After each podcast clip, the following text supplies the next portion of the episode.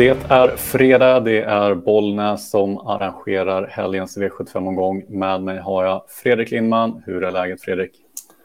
Tack, det är bra. Det är skönt att vara tillbaka från semestern.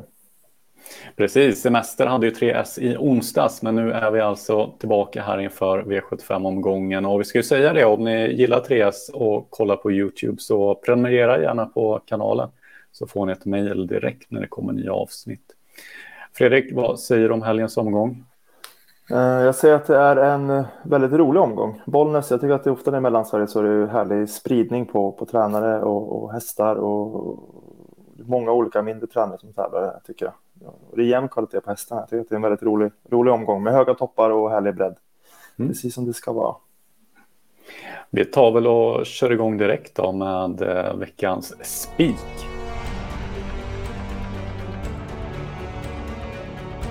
Den här veckan har vi faktiskt eh, 7 miljoner extra med oss. Eh, och var tittar vi då spiken, Fredrik? Ja, men jag tänker att vi gör det... Eh, om man kan göra det lätt för sig i trav så tänker jag att vi kanske kan prova i alla fall i V73 i högsta klassen här där vi har nummer tre, eh, Sister Sledge, Daniel Redéns fina sto där. Det är ju, hon är bara fem år och, och ganska orutinerad så det är kanske tufft eh, på ett sätt för henne att gå ut mot eh, killarna här i högsta klassen. Men hon verkar ju vara någonting extra. Där. Hon vann ju fyraåringseliten i fjol på Solvalla mot hingstarna mot Beppe Bi då när hon sprang 9 och 1. Var det ruskigt jag tror att, Ja, jag tror liksom att klassen finns där i alla fall eh, för henne där.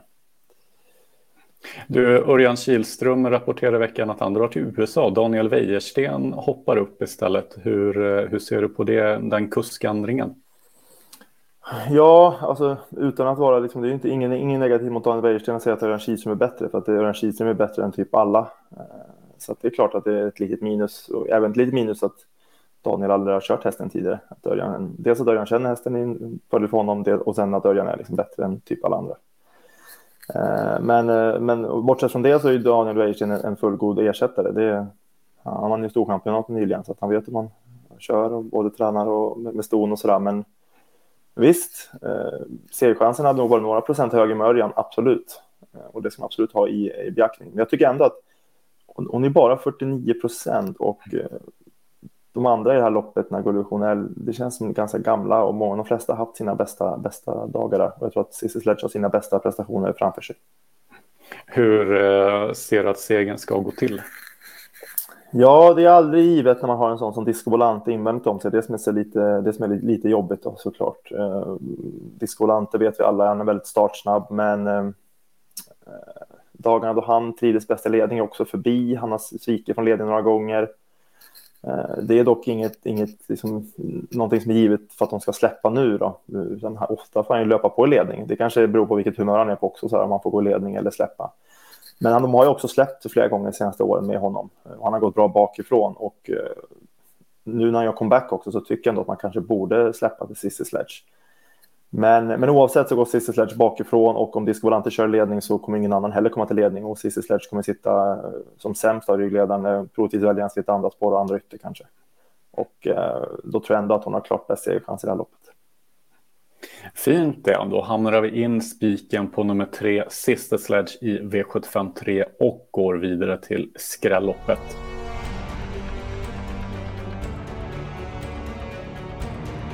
Skrälloppet den här veckan det har vi eh, utsett till V75 6. så vad kan vi säga om det loppet? Nej, men de här loppen brukar ofta vara en rubrik i de här skrälloppen. Det, det, det ston på flera volter. Eh, och bara voltstartsmomentet gör ju att ofta att det liksom skräll, eh, chansen eller risken ökar.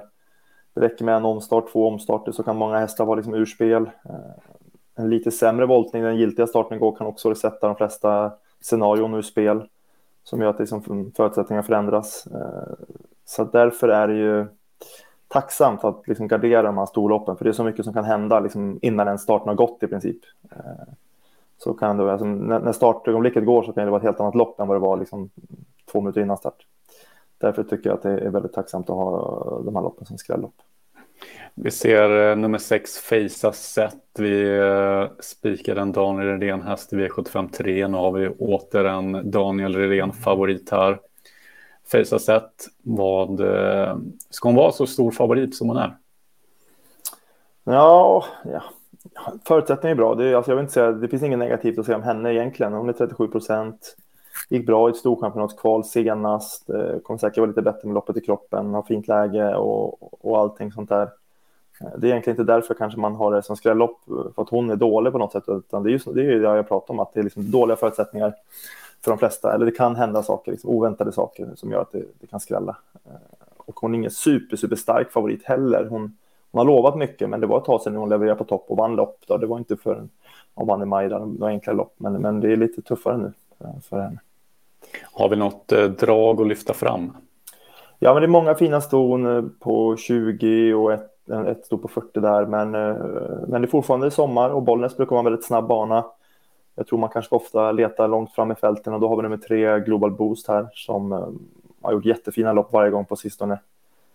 2-2, eh, 3 nu på sistone hade lika väl kunnat vara 3-1 med lite klaff. Eh, så att eh, jag tycker Global Boost står eh, bra till här med Sport 3 också, sitter där framme direkt. Är både stark och snabb och, och eh, sådär. Hon var ute ett storlopp sist också bakom Sanella som vann en annan Redén-häst som är otroligt, otroligt bra. Så att, och det är inte tuffare nu. Så att, nummer tre, Global Boost, tycker jag absolut att man måste ha med. Då tar vi med henne och så går vi över till veckans chas.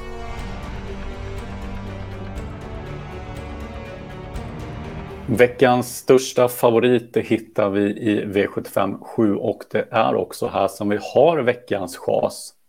Mm. Nummer 9, Born to Run, Alessandro Gocciadoro i V757 här. Eh, jag har ju spikat den här hästen i de här programmen senaste gångerna här och det har blivit rätt eh, varje gång. Superlight-sonen här som man har som är liksom oväntat tuff och, och, och, bra.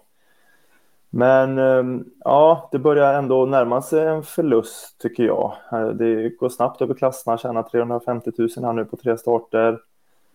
Och eh, det har varit ledning vid två tillfällen, i alla fall öppet spår och köra sig till ledning. Inte har han inte på något sätt fått någon ledning, men eh, kommer till ledning och dragit på hårt. Eh, visar nästan att han går bakifrån, absolut. Var på nio nu, det är bra sådär. Men, eh, ja, men ändå bort, bakspår på sommaren nu när det går väldigt snabbt.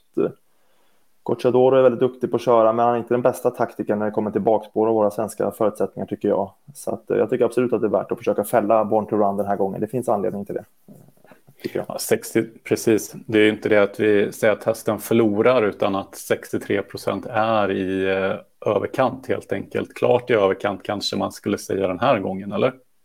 Ja, absolut. Det blir ju så att jag tror många bara spikar och, och liksom tar han bara på automatik. Man ser 3-1 och så tänker man han bara vinner.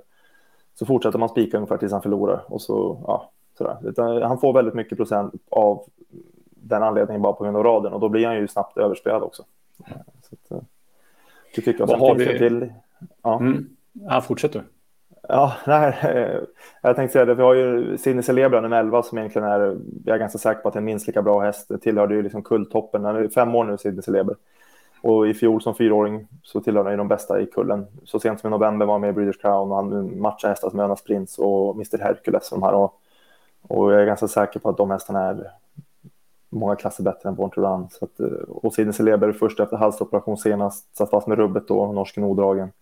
Wahlman säger själv att hästen känns bättre efter det och har gått framåt med loppet i kroppen. Och, och Wahlman själv säger också att han tycker att det ska vara en bra chans, optimistisk här eh, i klassen med den hästen. Så jag tror jag är ganska säker på att Sidney Celeber är bättre häst än Born to Run. Mm.